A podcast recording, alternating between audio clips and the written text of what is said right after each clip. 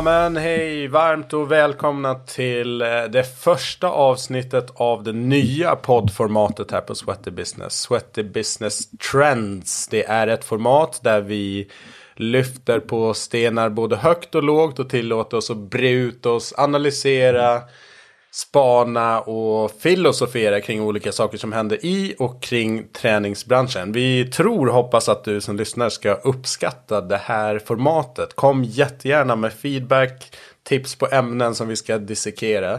Jag ska börja med att introducera min co-host för det här formatet och det är faktiskt en ny gammal bekantskap. Eller vi är ju konstant bekantskap, vi är ju vänner. Men eh, i poddsammanhang för Norberto Lacorte, välkommen till podden. Tack snälla, tack snälla.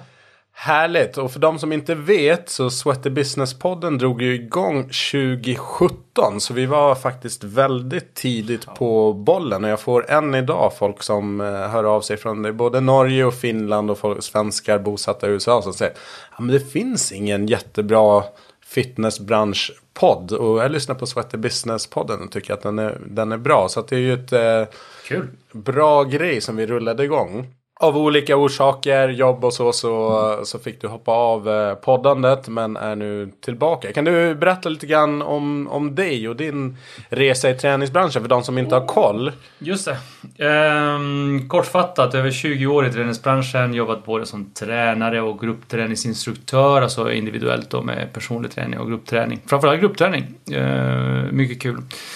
Eh, har gjort egentligen allt mellan eh, zumba, bodypump till eh, sålde med till crossfit liknande och crossfit då i allmän, rent allmänt kan man säga. Men sen så har jag jobbat också mm, som du Brian så har jag också varit verksam inom marknadsföring och kommunikation under väldigt många år. Vilket eh, jag också fick eh, nöjet att få då kombinera dessa båda eh, karriär om man nu vill säga så. Men eh, kom in för några år sedan. Jag slutade egentligen podda med dig i samband med att jag eh, blev anställd på Keycraft eh, Technogym mm. i Sverige. Eh, av naturliga skäl. Det, det, är svårt att vara helt eh, neutral om man ändå jobbar i branschen för en viss specifik leverantör.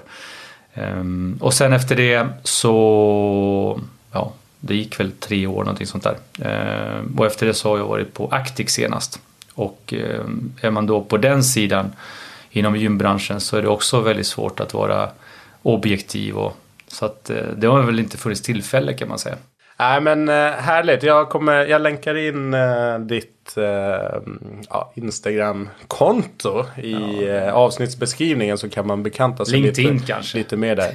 Och kuriosa för folk så vi började jobba på en eventbyrå tillsammans mm. för alldeles för många år sedan nu. Men, eh, och då jobbade du som gruppträningsinstruktör vid sidan av. Och jag hade liksom ingenting med träningsbranschen att göra. Även om jag var liksom inne i sport och sådär. Så att det var faktiskt det som sparked the interest för ah, träningsbranschen. Och utbildade mig sen också bland annat gruppträningsinstruktör och, och PT och sådär. Så att eh, hade inte vi jobbat tillsammans så vette katten om jag hade Nej, kommit exakt. in i den här vi branschen. Vi fick ju Sats som kund och du var ja. ansvarig för Sats. Så du fick ju jobb på Sats senare. så att det var... Ja men härligt. Du, ehm, för andra gäster på intervjuavsnitten så brukar jag ha en lång um, radda med frågebatteri. Men jag tänkte jag tar en av frågorna och den kanske den jag tycker är uh, intressantast. Mm. Och det är så här om det här behöver träningsbranschen tänka omkring. Har du någon spontan grej som du eh, efter dina år i, i branschen och erfarenhet från leverantörssidan, från mm. gymsidan och sådär? Rent allmänt så tror jag att snabbare på att testa nya affärsmodeller, alltså testa saker överlag. Och vara snabb på att testa, utvärdera, se om det funkar eller inte funkar, sen gå vidare. Eh, och inte fastna för mycket i så här har vi gjort, eh, därför ska vi fortsätta göra så här. Eh, tänket. Eh, på grund av att saker och ting förändras alldeles för snabbt. Jag menar vi har ju sagt i flera år, åh allting förändras så snabbt och digitaliseringen är på gång. Och, eh, men nu är det så här, ja men faktiskt det, ja. det, det, det, går snabbt. Så att eh, alltså idag så är det så här, du som medlem, vad är det du gör på ett gym? Jo, du hyr eh, egentligen en plats som du går till där det finns utrustning som du kan nyttja eh, som du förmodligen inte har möjlighet att ha hemma. Eh, eller du vill komma iväg eh, och få din egen tid. Och det är det du betalar för. Ehm, sen finns ju innehåll i form av gruppträning och massa annat. Men, eh, men jag tror man behöver liksom se, titta på sig själv med, med lite andra ögon. Mm.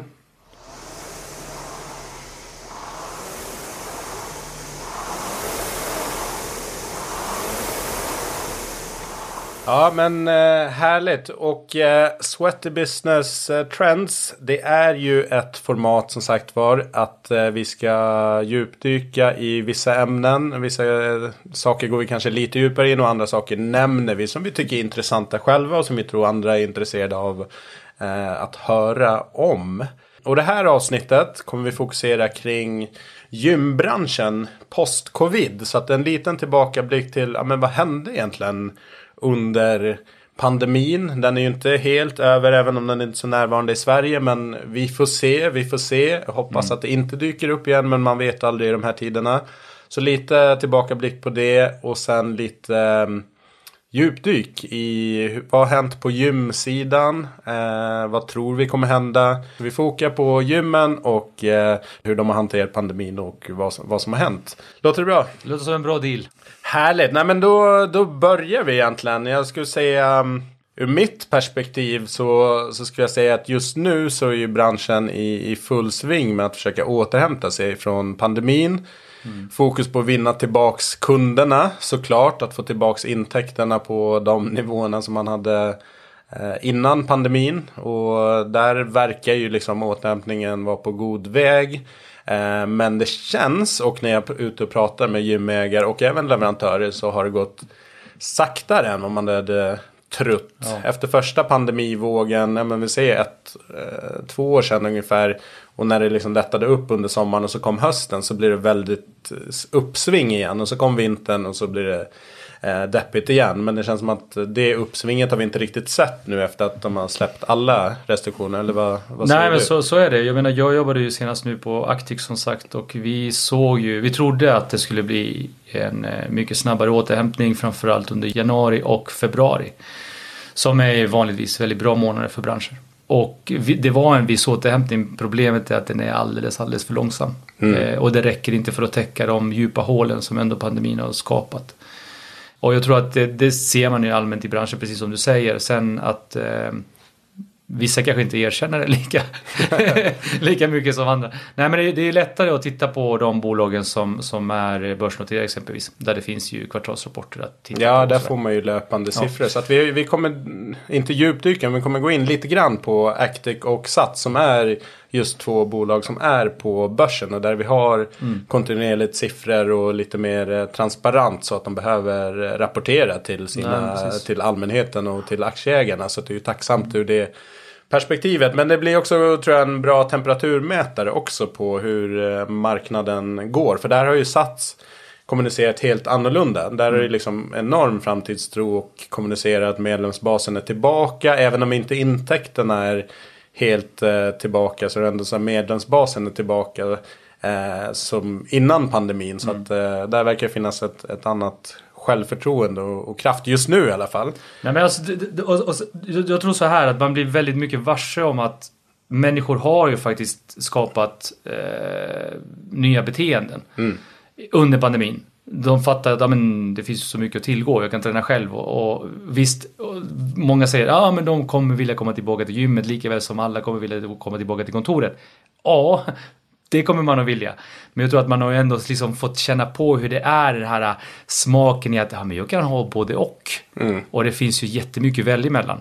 Så det kommer ju bli jävligt Och det kommer vi gå in på också. Hur yes. vi behöver bemöta det från gymsidan i alla fall. Mm. Men eh, om vi går in på lite fakta. För det kan inte bara bli, bli spekulationer. Jag kan eh, inleda liksom med siffror som kommer från globalt håll. Du har ju lite mer eh, fokus på Europa. Men eh, det man kan säga första pandemiåret 2020 där. Mm. Eh, alltså rapporteringen ifrån det så var det ju väldigt dystert från Ursa. Där eh, gymmarknaden tappade 58% av intäkterna. Så mm. nästan 60% försvann. 17% av gymmen stängdes permanent. Eh, åtta stora kedjor ansökte om konkurs. Och där var det bland annat go legendariska Golds Gym som såldes till eh, McFits ägare Rainer Schüller. Mm. Mm, så att eh, det hände sannolikt, eller det hände sannoliken väldigt mycket på, på den amerikanska marknaden. Och det är där det finns mest siffror. Ursa, även om de försöker vara global organisation så, så är det mycket därifrån. Um, ja, vad har hänt där då? Vi uh, har 64 procent, uh, om man tittar på globalt, så 64 procent av alla uh, gym runt om i världen fick alltså stänga. Mm. Mer eller mindre under pandemin då. Tittar man på Europa så var ju snittet för hur länge man stängde under pandemin, under hela pandemin faktiskt, eller i och för sig det är siffror 2020 i och med att siffrorna för 2021 inte har kommit ännu, eh, så är det snittet sex veckor. Mm. Sverige är det landet som, enda landet i hela Europa som inte stängde alls. Eh, följt av Irland som bara stängde under en kort, kort period. Men sex veckor sammanlagt. Eh, man uppskattar ungefär att tittar man då på på UK, eh, alltså England, så är det ungefär 10 miljoner medlemskap som frös mm. eh, under den här perioden. Eh, så det har påverkat jättemycket.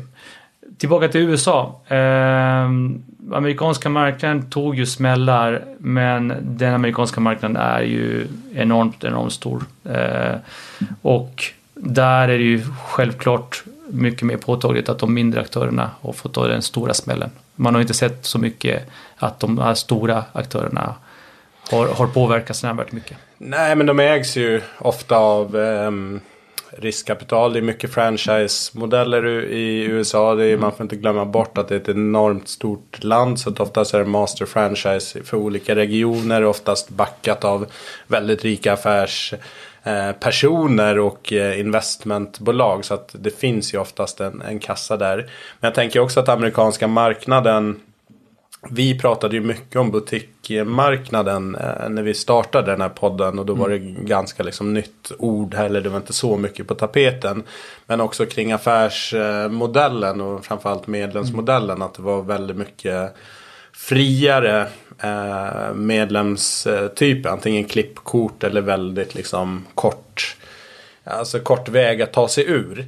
Yeah. Eh, vilket garanterat drabbade den amerikanska marknaden superhårt. För att mm. Sverige, i och med att våra fortfarande liksom är dominerade av de här årsmedlemskapen ja. och så, så, så blir det inte lika stor smäll. Det var absolut mycket frysningar och så, men jag tror att krockkudden blir mycket större i, i Sverige i med vår, eh, vår modell som mm. vi har. Hade vi haft mer klippkortsvarianten då, då hade det sett betydligt värre ut. Men jag vet också vissa marknader ty, alltså i, i Europa haft, de har stängt men de har haft enormt generösa eh, stödpaket från, eh, från eh, myndigheterna. Så att de i vissa, jag har hört rykten om vissa som har sagt att de i princip går plus på det i slutändan. Att det var liksom mer fördelaktigt att ha stängt ja. i slutändan. Sen vet jag inte med medlemstapp och så att det kanske blir tuffare efteråt. Men, mm. men det är ju också en stor skillnad att i Sverige stängdes det ju inte av olika orsaker. Men eh, ja, myndigheterna slapp kanske betala ut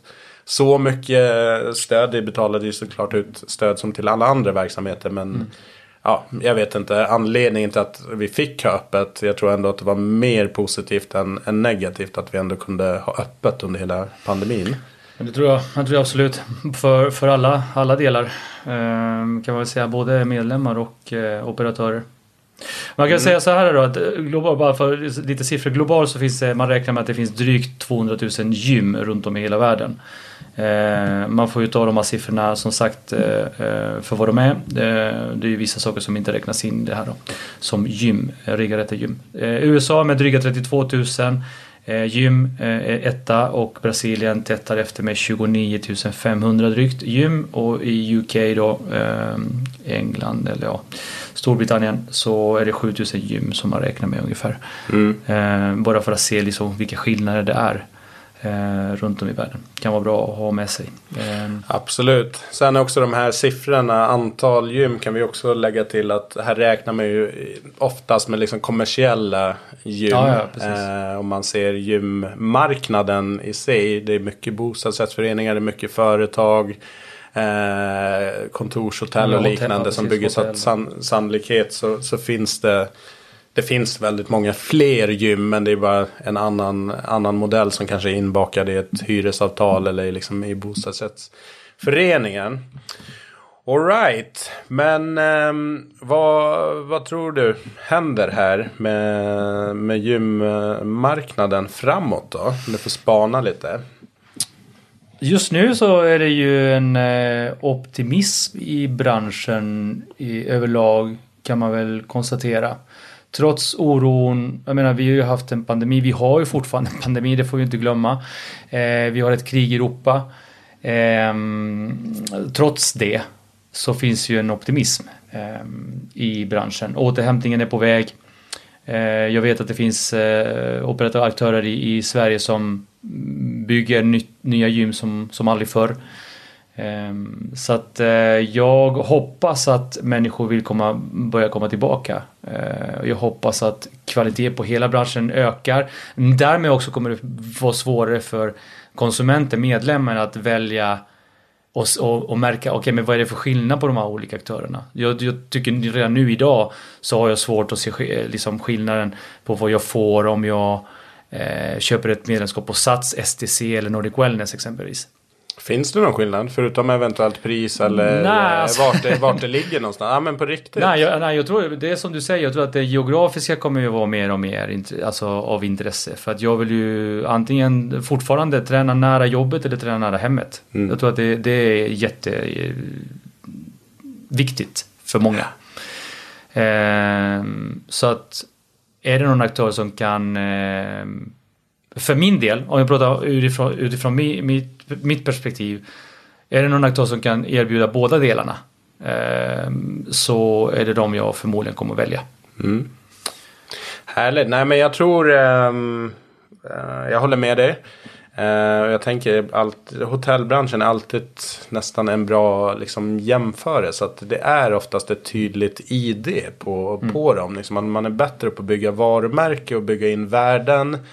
Eh, inte minst kundklubbar som liksom av olika orsaker bygger en, en lojalitet eller en frekvens på, på boendet. Så att där finns det jättemycket som träningsbranschen fortfarande inte har tagit tag i. Jag vet att Sats lanserade ett lojalitetsprogram. Eh, ska jag vara helt ärlig så var jag inte jätteimponerad. Det var rabatter i, i shoppen och det var ditten och datten. Jag, vet, jag tror inte det är tillräckligt starkt för att jag ska välja en aktör för att jag får rabatt i, i shoppen. Sorry. Ehm, men ehm, just att ja, men gå in på ett Scandic, gå in på ett eh, Clarion, gå in på ett Quality Hotel, gå in på Elite Hotel. De är annorlunda. Jag kan gå in i lobbyn på och förstå att jag är, jag är på den här stället. Bara genom hur det ser ut och ja, färger självklart. Men, men de har varit väldigt duktiga på att bygga varumärkena rakt igenom hela kundupplevelsen. Eh, vi pratade om det förut, liksom, ta bort färgerna på, på gymmen, liksom, deras primärfärger. Då är det- är svårt. Men det är Och- det som är problemet just nu. Det är att går du in till exempel på STC, och går du in på Nordic Wellness, går du in på Sats, så Samma är det ungefär samma utrustning. färger. Ja, och det är och samma, samma utrustning. utrustning. Och det är ju det här som är... Eh, nu kommer det en liten känga till, till leverantörerna. För att det är ju som att de ritar samma gym, samma slags gym till alla sina kunder oavsett vilka det är. Och det är, det är ju inte, det är ju inte, om man slår sig på bröstet och säger att vi är jätteduktiga på att, eh, eh, att bygga varumärke så måste man förstå det här och, och liksom verkligen gå in och, och säga, "Ja, men ska ni verkligen göra så här? Det gjorde ju faktiskt de här. Ni kan alltså skilja er på det här sättet. Jag tror att det, det, det nej men där finns så mycket att jobba på. Nej, och återigen tillbaks till varumärket. Det är så här. Clarion har en standard för allt som byggs. All, varenda pinal, varenda lampa som kommer in är liksom på en viss nivå. Sen har de sitt liksom breddvarumärke, Quality Hotels. Där är en annan standard. Och så har man eh, Comfort Hotels som är mer liksom ungdomar, billigare kanske businessmän som ska in snabbt, snabbt ut, ligger typ i Kista, liksom affärs. Mm. Det är en annan nivå. Du blandar inte, du får inte Clarion-soffor på Comfort och vice versa. Men där har vi en, en jäkla mix på marknaden där det kanske någon aktör Säg att det är någon som är eh, budgetaktörer, liksom affordable sådär. Men man väljer ändå prylar som kanske är mer anpassat för ett eh, premiumgym. Man skjuter lite över målet för att man vill liksom vara lite som storebror eller som konkurrenten. Men har man verkligen tänkt igenom. Och där ska jag verkligen de som gör mest pengar, på, som är mest liksom lönsamma på svenska marknaden, som är stringenta i det, det är Fitness 24-7. De har sin, sin nivå och sin struktur. Ja, och nu är, tycker jag, ett extremt tydligt i det också i anläggningarna, hur mm. de ser ut. Så att där, och det är så här, mm, då, de gör ju rätt ja, grejer. Sen, sen, får man ju faktiskt tillägga i att deras affärsidé så, så har de ju försökt att minimera det som är allra dyrast, vilket är både hyra och personalkostnader. Så att det är mm. därför de också är väldigt, väldigt lönsamma. Får man inte glömma bort, men jag tycker att du har, du, du har rätt i det du säger att där känner man verkligen igen sig. Mm. Att ah, okej, okay, jag är på ett sånt gym. Eh, jag lägger ingen värdering i det överhuvudtaget. Nej. För det är det man är ute efter. Det är det som... som Nej men de är tydliga. Problemet blir ju när full service, det är, liksom, det är, en, eh, det är en tuff eh, marknad, hög konkurrens. Det är en dyr business, du har stora lokaler och vill du vara liksom där folk är, centralt eller liksom bra lägen där folk bor, så det kostar pengar. Och då, det jag upplever att man, man sparar in på det som kanske är särskiljande mot till exempel då Fitness 24 även om de nu sparar in på personal och, och väljer billigare liksom eh, utrustning. Då kan ju inte du som ska vara liksom eh, prismässigt eller liksom varumärkesmässigt på en, på en annan nivå, en annan positionering. Då kan ju inte du, ja men vi har bara bemannat fyra timmar om dagen och vi har liksom inte reparerat utrustningen. Och återigen mm. tillbaks till hotellreferensen. Du får inga trasiga nej, soffor på, på Clarion. Du får inte det på deras budgethotell heller. Liksom. Men det finns en, en lägsta nivå. Ja. Och, och där är så här, men har ni tänkt igenom? Varumärket är inte bara loggan och det du ser på hemsidan. Varumärket är kundbemötandet, utrustningen, hur städat är det? Liksom ligger det i linje med, med mm. det? Jag har inte samma förväntan på Ryanair som jag har på Lufthansa. Det är två Nej. helt olika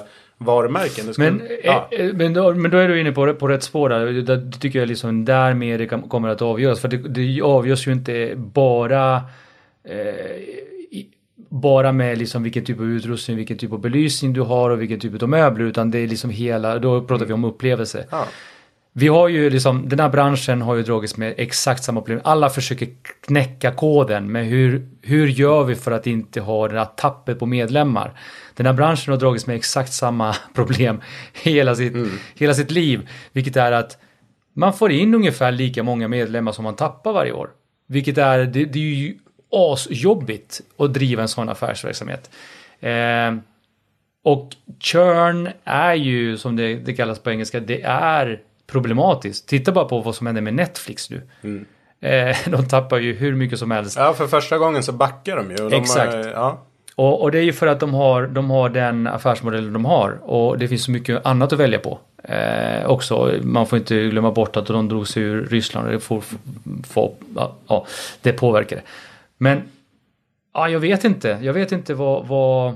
Jag personligen är ju inte längre lika beroende av att välja ett gym utifrån vad de har för typ av utrustning mm. och sådär. Det är för att jag inte är den typiska medlemmen. Jag, förhoppningsvis så, så har jag lite mer kunskap än gemene man vilket gör att ge mig en kettlebell så kan jag ju göra ja. vad som helst. Eh, men jag, det jag saknar är att komma till gymmet och, och, och ha någon form av gemenskap. Mm. Även fast jag inte vill till gymmet och snacka bort min träningstimme, för det vill jag verkligen inte. Då vill jag inte att någon ska prata Nej. med mig. Men det, det, det är det här att jag känner någon form av gemenskap. Jag kände liksom när jag jobbade på Sats så var det så här shit, jag jobbar på Sats. Jag känner mig stolt över att få jobba på Sats. Mm. Eh, och eh, jag det smittar ju av sig till ja, kunderna. Men, ja men exakt och, och likaså nu när jag jobbade på Actic att vi var på väg åt rätt håll, liksom varumärket började fräschas upp och sådär och, och, och som anställd är det klart att man är väldigt eh, subjektiv. Men ändå, jag, det, det, jag saknar det på något sätt. Jag, fan jag har inte, jag önskar att jag hade svar, men Mm. det, den är svår att knäcka. Den är svår att knäcka, Churn-grejen, men jag tror ehm, en eh, annan sak, aspekt av just det här priskriget, det är så här. Om allt annat är lika, det är ungefär så, all, många har ungefär liksom bra locations, du hittar de stora aktörerna eh, hyfsat nära, ungefär samma utbud. Um, Les Mills är fantastiska på det de gör, men om alla kör det, det blir så här det spelar ingen roll om jag går på bodypump där eller om jag går på bodypump där. Så, så här, en smart konsument kommer i slutändan bara. Vad kan jag, om jag får allt på samma nivå. Då kommer jag ju välja den billigaste. Varför skulle jag välja den dyraste? Om, om det är exakt samma. Om du ska köpa en bil. Bilhandlare här ger dig eh, ett pris. Och så nästa bilhandlare tar bort 5-10%. Varför ska du välja den dyrare bilen? Visst, den personliga re- relationen kan. Men om det står inför valet mellan, mellan det så är det liksom rent logiskt. Så så här, varför ska jag betala 10% mer för vad där när jag får typ samma grej Ja. här? Så att eh, där, där finns det att göra i, i den här branschen. Kika på hotell, kika på flygbranschen, hur de tänker och gör. Där tror jag att det finns mycket kompetens och liksom best practice att verkligen gneta sig igenom. Jag tänkte förutom liksom, liksom de övergripande siffrorna och, och trenderna. Det finns ju jättemycket att säga om, om pandemin. Eh, vi vet inte vart det tar vägen. Men jag tänker en, en stor grej som jag tror kommer hända och som man ser lite nu. Det är att den här konsolideringen som var startade innan pandemin. eh, För flera år sedan, liksom att kedjorna köper upp, de blir starkare och starkare. Och det är liksom inte bara i, i Sverige utan det, det, det är internationellt. Och det är inte bara träningsbranschen som det är så. Det är ju väldigt många branscher som det, det är kedjedrift på olika sätt. Eh, Man bygger sta- starka varumärken och så försöker man liksom nyttja det varumärket på fler platser och marknader. Så det, det är ganska naturligt. Men eh, pandemin har ju blivit en accelerator av det här. Det har Ja. många som har, har och haft det väldigt tufft som har sålt av. Eh, så att det finns ju kap att göra. Ehm, vi ser ju bland annat att eh, internationellt om vi tar Pure Gym, eh, brittiskt företag, eh, ja, lite liknande Fitness 24-7, liksom, de kör budgetkoncept men med schyssta anläggningar som nu ska öppna hur, de har tagit in tror jag två eller fyra miljarder, jag har inte den siffran, men det var miljardbelopp liksom med aviserad satsning på att utöka sitt eh, territorium. Och där är USA med en franchise-modell och sen eh, Mellanöstern satsar stort och sen nere i Europa. Jag tror det var bland annat Schweiz och Österrike som man, man satsar. Så att eh, de går på offensiven Basic Fit, eh, nederländska jätten som också ska öppna precis hur många anläggningar, dubbla sitt, eh, sitt bestånd eh, inom bara ett par års sikt. Och kollar vi lokalt Sats, ehm, tagit in 600 miljoner lite, lite drygt eh, och aviserat liksom att de här pengarna är till för expansion. Dels egna anläggningar men också uppköp. Så att det blir väldigt spännande att se vad som, vad som händer där. STC och Nordic Wellness som du, som du nämnde, de, Ja. de gasar ju fortsatt på. Eh, Nordic Wellness liksom har bara taktat igenom pandemin som att, en den egen- inte, som att den inte fanns. Jag vet inte. Magnus, vad fan gör du för någonting där? Kör en, egen, en helt egen bussfil. Ja, nej men så det är ju spännande. Men Actic har ju aviserat också att eh, man tar in pengar eh, också. Men inte lika, man har aviserat satsning men inte liksom i form av expansion. Utan mer på att satsa på att rusta upp befintligt bestånd och stärka, stärka det. Och de tror jag, du är säkert mer koll än mig på det. Men den kedjan som kanske haft mest trubbel under, under pandemin och utgången av det. Och gjort Ja. en jätteomstrukturering av eh, organisationen här. Ja, men det är det, alltså, Actic har ju haft, det är ju flera olika saker som har påverkat förstås. Bland annat att man har haft, eh, det är väl tre kanske omorganiseringar som har skett under ganska kort tid. Eh, senast den här omorganiseringen som man gjorde då i början på det här året. Eh, där varumärket har ju putsats upp. Eh, organisationen har ju putsats upp rejält och blivit otroligt mycket mer professionellt. Eh, sitter i jättefina kontor nu i eh, vid Järva krog. Eh, och har ett, ett flaggskepp, ett gym där också som är fantastiskt fint. Problemet är att det som finns där och det som man har gjort inte har hunnit med att återspeglas i resten av organisationen. Alltså ute på gymmen som finns runt om i, i, i landet. Vilket gör att man har ju otrolig eh, nivåskillnad på sämsta kontra bästa gymmet. Mm. Eh, och det är ju förstås en sak som påverkar. Eh, Apropå i, var, varumärke och kundupplevelse. Ja, ja, så här, i, jag blir medlem på Ulriksdal där kontoret finns. Så är det ett, ett Actic och blir medlem någon annanstans så är det ett helt annat Actic. Ja. Eller som det är nu då när vi börjar röra på oss mer, resa mer kanske, och mycket, mycket mer resande kanske känns det som än, än man har gjort de senaste två åren. Så är det så här att ja men då kanske jag är medlem någonstans där det känns fräscht och schysst. Och sen så, ja men jag, vad heter det, nyttjar mitt medlemskap när jag kommer till någon annanstans i landet och märker att mm, ja, då, då, får man ju en helt annan bild av varumärket och av, av eh, det gymmet man är medlem på. Så att där har man jättemycket att göra, men den omorganisering som sker nu är ju till för att just eh, adressera det och åtgärda det. Vilket är att liksom ta in pengar för att eh, rusta upp operation som man kallar det då. Mm. Det vill mm. säga att rusta upp gymmen för att komma till en, en mycket högre lägsta nivå. Ja. Nej men det är bra tänker jag. Men samtidigt tänker jag Actic har jävligt många anläggningar. 50 miljoner kronor i min värld. Så blir det inte jättemycket upprustning per anläggning. Eh, och många är ganska stora. Och Actic är involverade i eh, mycket liksom sim, simhallar och sånt. Och det vet jag från min tid på Sats. Att det ville man inte pyssla med där i alla fall. Att det var väldigt kostsamt.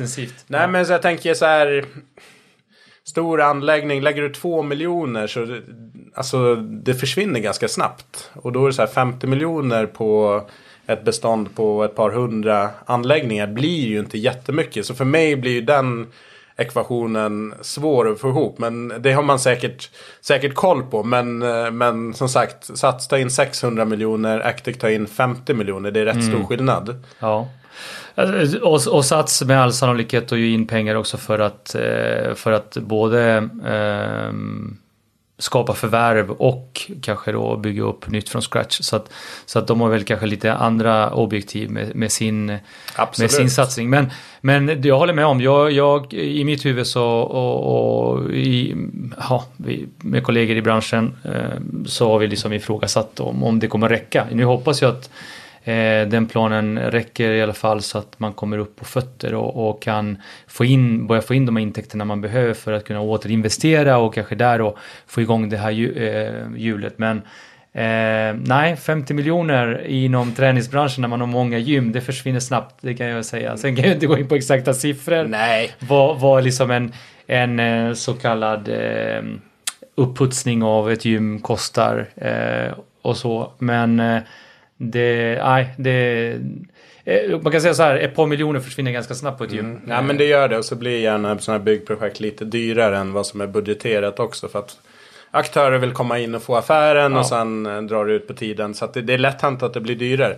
Min eh, spaning eller liksom tanke med, med Actic. Eh, det är att jag tänker att man man gick ut på börsen. Eh, det har varit ett jäkla problem för, för dem egentligen och, och tappat i, i värde konstant sen, sen mm. introduktionen nästan. Eh, och att aktieägarna såklart vill ha tillbaka sina pengar. Jag tänker att man vill eh, det skapa kostnader nu. Mm. Eh, putsa upp det så att det är liksom eh, nice. Jag tror att eh, om inte hela så tror jag att delar kommer att eh, säljas eller att man gör sig av med. För att de där 50 miljonerna kommer inte räcka till, till alla anläggningar. Så att jag, jag vet inte. Jag, tror, jag tänker att det finns en, en, en djupare strategi som man såklart inte går ut med. Så på att antingen få det sålt eller liksom sälja av vissa delar som, mm. Eh, och så tajta till beståndet lite mer. Nej men precis och det är som du säger, jag menar, det finns ju vissa delar i, i, eh, i organisationen. Du nämnde ju eh, alltså att drifta bad, eh, mm. badanläggningar. Det kan vara jäkligt lönsamt. Eh, så länge underhållet sköts och, och liksom man inte behöver helt plötsligt göra stora underhåll för att där är också en pengaslukare utan dess mm. like. Eh, men, men det finns ju vissa delar som, som är väldigt lönsamma. Eh, men det gäller ju att hålla efter. Ja. och se till att det, det är gott skick. Så att, eh, ja. det blir spännande att se vad som, vad som händer med Aktiv framåt. Jag förstås eh, önskar dem all lycka till och, och allt väl i och med att jag har väldigt mycket goda bra kollegor som jobbar. Det är jävligt mycket bra folk som jobbar ja. på Actic. Så att det, det, det, är ju väldigt, väldigt eh, intresserad av att se ja. vad, som, vad som händer framåt. Men grejen är att, oh, fan det är som du säger, pengarna Åh, hur långt kommer det räcka? Nej, och så här, om folk tror att man är på någon agenda här, det, det handlar inte om det, utan det är så här, bara se nykter på vad jag, vad vi ser för någonting och ha en kommentar om det. självklart önskar jag Actic all lycka till, men jag tänker också ur min skalle, hur hade jag tänkt och ja, ja. vad hade jag gjort med det? Eh, och det har ju hänt förut att bolag har växt för mycket. Man har köpt, Actic har ju köpt massa olika aktörer de senaste liksom sju, åtta åren. Ja. Uh, uppenbarligen har man inte kunnat dels få in dem i liksom Actic-familjen. För dels har inte det varit klart. Liksom. Actic har ju jobbat med sig själv och sen samtidigt ska man ha in nya anläggningar och mi mindre kedjor in, in i driften. Och det har ju inte funkat helt. Så att det, det kanske handlar om att liksom Nej, faktiskt göra sig av med en hel del huvudvärk för att liksom satsa på kärnan. Och det kanske är simhals, badhals, eh, liksom anläggningarna och de gymmen som, som går bra. Ja, absolut. Och det är, du, din analys är ju helt, helt riktig. Liksom. Helt, helt riktigt. Alltså det här med att, att fusionera olika kulturer oavsett vad det är för verksamhet är ju extremt svårt. Men sen är frågan så här. De har ju precis startat ett crossfit-gym i Norge. så att, så att, ja, ja, det blir mm. spännande att se vad som händer framåt. Eh, och, och, och sam, samtidigt så är det så här. Det är så lite man har insyn i i branschen i Sverige på grund av att det är egentligen bara Actic som är börsnoterade. Vi hade ju en annan aktör som var börsnoterad men som inte finns längre mm. och det var ju World Class eh, ja. för några år sedan. Ja men Sats är noterad fast i Norge. Precis, då, Sats är noterad i Norge så det går ju också att få fram, mm. få fram liksom siffror och mer insikt i vad ja. som händer där. Eh, så att eh, därför... Ja. Kan bara gå på det, det vi ser och det vi har koll på. Ja. Liksom. Friskis och Svettis är ju också hyfsat transparent i, i och med att de har den, den, den strukturen de har då. Ja men härligt så konsolidering tror vi Tror vi på fortsatt gas verkar det som på de stora kedjorna generellt sett? Ja, alltså, och, och grejen är att konsolidering, om vi tittar på, på, på just det som, som företeelse så om vi tittar bara tre, fyra år tillbaka i tiden så vi, var vi väldigt unika i Sverige i den totala gymbranschen för att det fanns så mycket konsolidering i just på, eller mm. på den svenska marknaden. Men nu verkar ju hela europeiska marknaden gå åt samma håll. Ja. Eh, färre egentligen aktörer som har många, många fler anläggningar. Mm.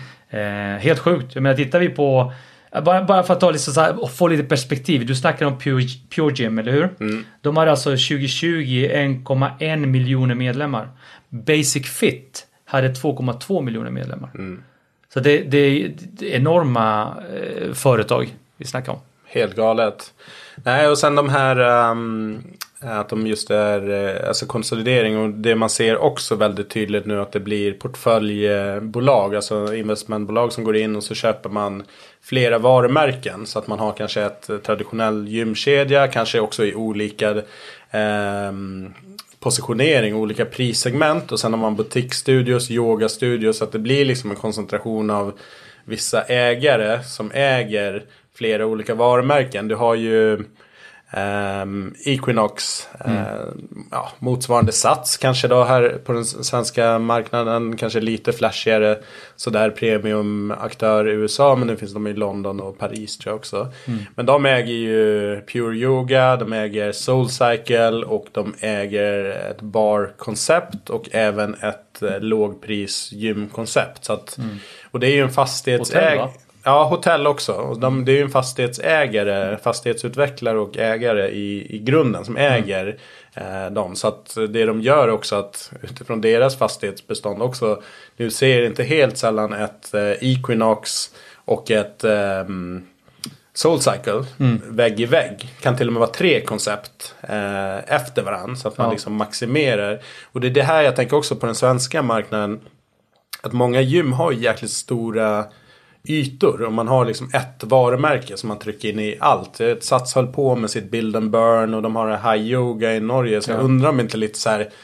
okej om vi har lite för stora lokaler för bara gymverksamheten under att man kanske också kan fundera på öppna upp en dörr till, bygga, mm. bygga en box i boxen. Men som är separat, ett separat varumärke. Men man har ändå lokalkostnaden och så splittar man det på två bolag. Man har två olika koncept som passar för olika målgrupper. Där är vi ju inte alls eh, idag. Satsar ju på väg dit liksom med high yoga. Eh, så, så att kanske får vi se mer utav det. Och det är också så här ur varumärkesperspektiv att det är ju väldigt mycket monobrands här i Sverige. Att man ska mm. trycka in allt under ett. Och Magnus och Nordic Wellness gör ju sitt superbra. Nu har de här Grand Fitness som är liksom deras, jag vet inte om man ska ja, säga det, premium, yes. men det är ju annorlunda. Det är lite mörkare, det är lite, ja. jag tror, lite yngre målgrupp förmodligen. Men han under Nordic Wellness-varumärket så är det ändå så här, de här jätteanläggningar, du har paddel och sen har du ner till liksom runt hörnet gymmet på ett par hundra kvadrat. Mm som sagt, hotellbranschen, Clarion kontra Comfort. Då hade man förmodligen splittat upp. Så här, de här runt hörnet gymmen, det är det här konceptet och varumärket. Och fullservicehotellen med spa och allting, de är under ett annat. Så att vi, vi är inte så jätteutvecklade när det kommer till varumärkestänk och varumärkesutveckling. Det, det är Nej. enkelt att ha ett varumärke, eller enklare. Men frågan för kunden, liksom, tydligheten och, och att stringens, att kunna hålla en linje ett varumärke när man kör allt i samma. Mm. Alltså det är väldigt... Eh, frågan är vad det finns utrymme för på den svenska marknaden med liksom 10 miljoner invånare. Snart 11. Mm. Men eh, och, och, vad har vi? Vi har fortfarande en penetration på runt 20 procent. Eh, tittar man på den, eh, den amerikanska marknaden det finns en penetration på cirka 12 procent, någonting sånt där. Um, Alltså Equinox som du, som du pratar om, de omsätter 1,4 miljarder US-dollar. Mm.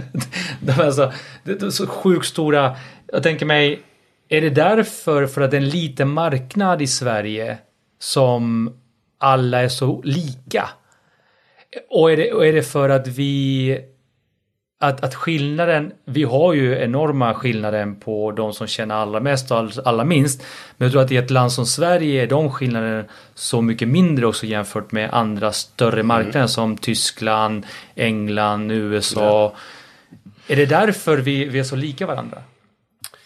Ja men delvis tror jag. Amerikanerna ligger ju längre fram. Det är liksom det är jättekonkurrens i USA. Det finns mycket fler aktörer. Så det gör ju också att du behöver sticka ut på olika sätt. Men, eh, men jag tror också den svenska och skandinaviska mentaliteten också. Alltså mång, det, det vi är ursprungna ut liksom socialistiskt tänk. Vi är väldigt mycket gemenskap. Mm. Liksom att vi har väldigt mycket tillsammans. Centrala funktioner, en stark stat och, och allting. Och sen har man sitt egna. Och nu i Sverige börjar vi gå. De här liksom ytterligheterna börjar liksom tänjas ut. De som blir rika blir rikare och så finns det stor andel fattiga. Så att det där mittensegmentet mm. av människor eh, blir ju mindre. De späs ut på, på olika håll. Så vi går ju mot mer faktiskt åt ett mer individualistiskt tänk. Men med, fortfarande internationellt sett så är det fortfarande ett väldigt liksom kollektivistiskt synsätt kring att man har väldigt stor gemenskap istället mm. för, jag menar, ta Sydamerika eller Afrika till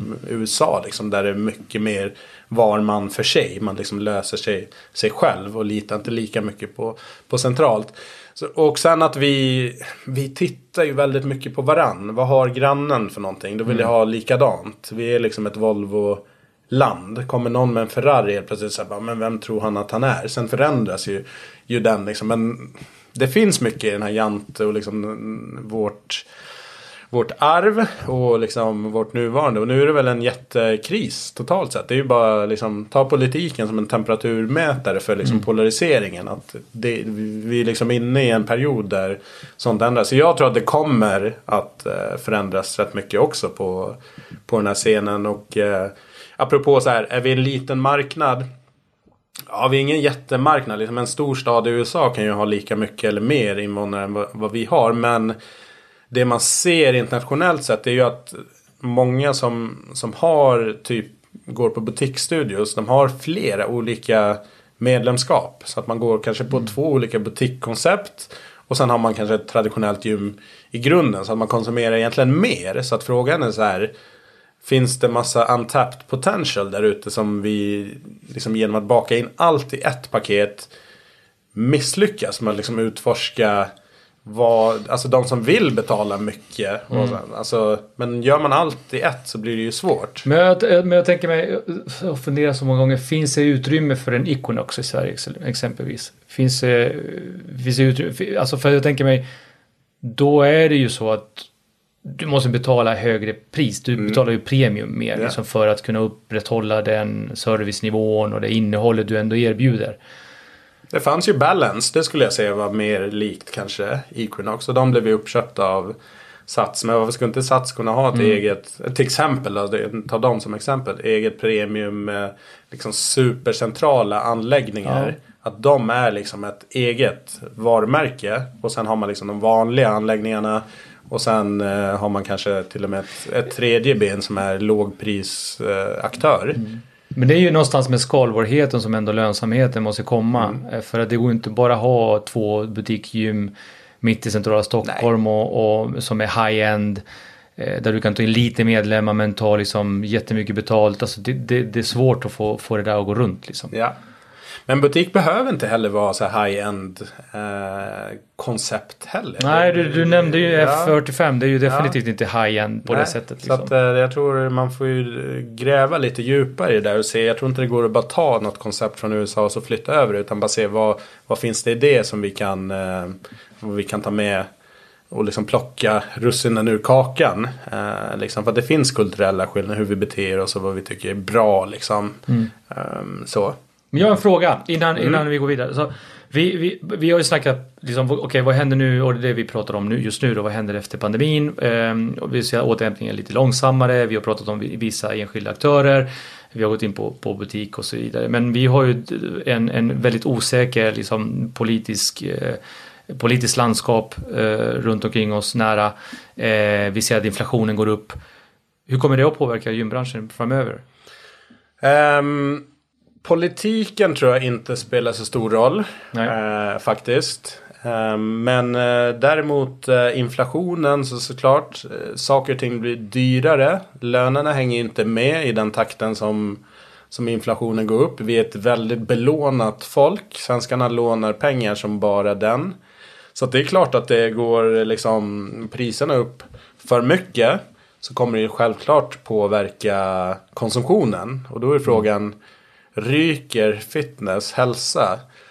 Det som hände 2008 under finanskrisen. eh, Då var jag ju på Sats på marknadsavdelningen. Då var man ju superrädd. Men det, det som hände faktiskt över hela världen var faktiskt att träning och hälsa var något som man inte sparade in på. Nej. Så det vart inget jättetapp. Sen vet jag inte, nu 14 år senare, kommer det vara samma beteende. Men det verkar ändå som att det är något som folk värderar högt. Eh, att man kanske drar in på annan konsumtion. Vi pratade om, om Netflix, men det är ju ett, eh, ett sånt exempel. på Och då, är det, då kostar de liksom 180 spänn i månaden. beroende- Eller liksom allt från 120 till 180 spänn i månaden. Så det är inga jättepengar. Men sitter man med, som kanske vissa gör, och har familj så vill ha Disney, du vill ha Netflix, du vill ha HBO. Ja men då är det helt plötsligt kanske 1000, 2000 spänn i månaden. Då, då blir ju till och med en sån kostnad. Men det kanske är lite mer lyx. Jag, jag tror att, ehm, ja visst blir det galen inflation så självklart då är ju allt under luppen. Men jag tror ändå att träning och hälsa är en ganska fundamental grej för, för de som redan konsumerar det. Att de kommer, det kommer krävas rätt mycket för att den ska sparas in på. Ja, och jag, kanske också med många av de som tränar får det subventionerat mer eller mindre från, från jobb och, Mm. och annat. Så att eh, det hjälper ju till att faktiskt minska vad, vad man själv behöver. Ja, och är det Betala. någonting pandemin nog har satt igång eller liksom accelererat också. Det tror jag är arbetsgivarens syn på medarbetarnas hälsa. Både mentalt och fysiskt. Liksom att det kanske kommer vara ännu mer satsningar på, på hälsoområdet inom olika aspekter. Så att det är verkligen inte någonting man säger pandemin. Viktigt att hålla folk igång, hålla dem mentalt friska fysiskt i, i aktivitet. Så att Nej, jag tror att den är, såvida det inte händer något väldigt dramatiskt på prisnivåerna så, så tror jag att eh, den kommer ligga kvar. Däremot så här prisstrategier i branschen så här, om allt blir dyrare, vi är livrädda generellt sett i branschen för att höja priserna. Då är det så här, ja, ja men jag fick mail från eh, Microsoft molnlagring, nya priser från och med första juni. Det är flera olika tjänster som jag har som ja, så här, de behöver knappt motivera. Det är så här, jaha, ja, okej okay, bara... vi höjer din månadstaxa med 20 kronor extra per, per månad.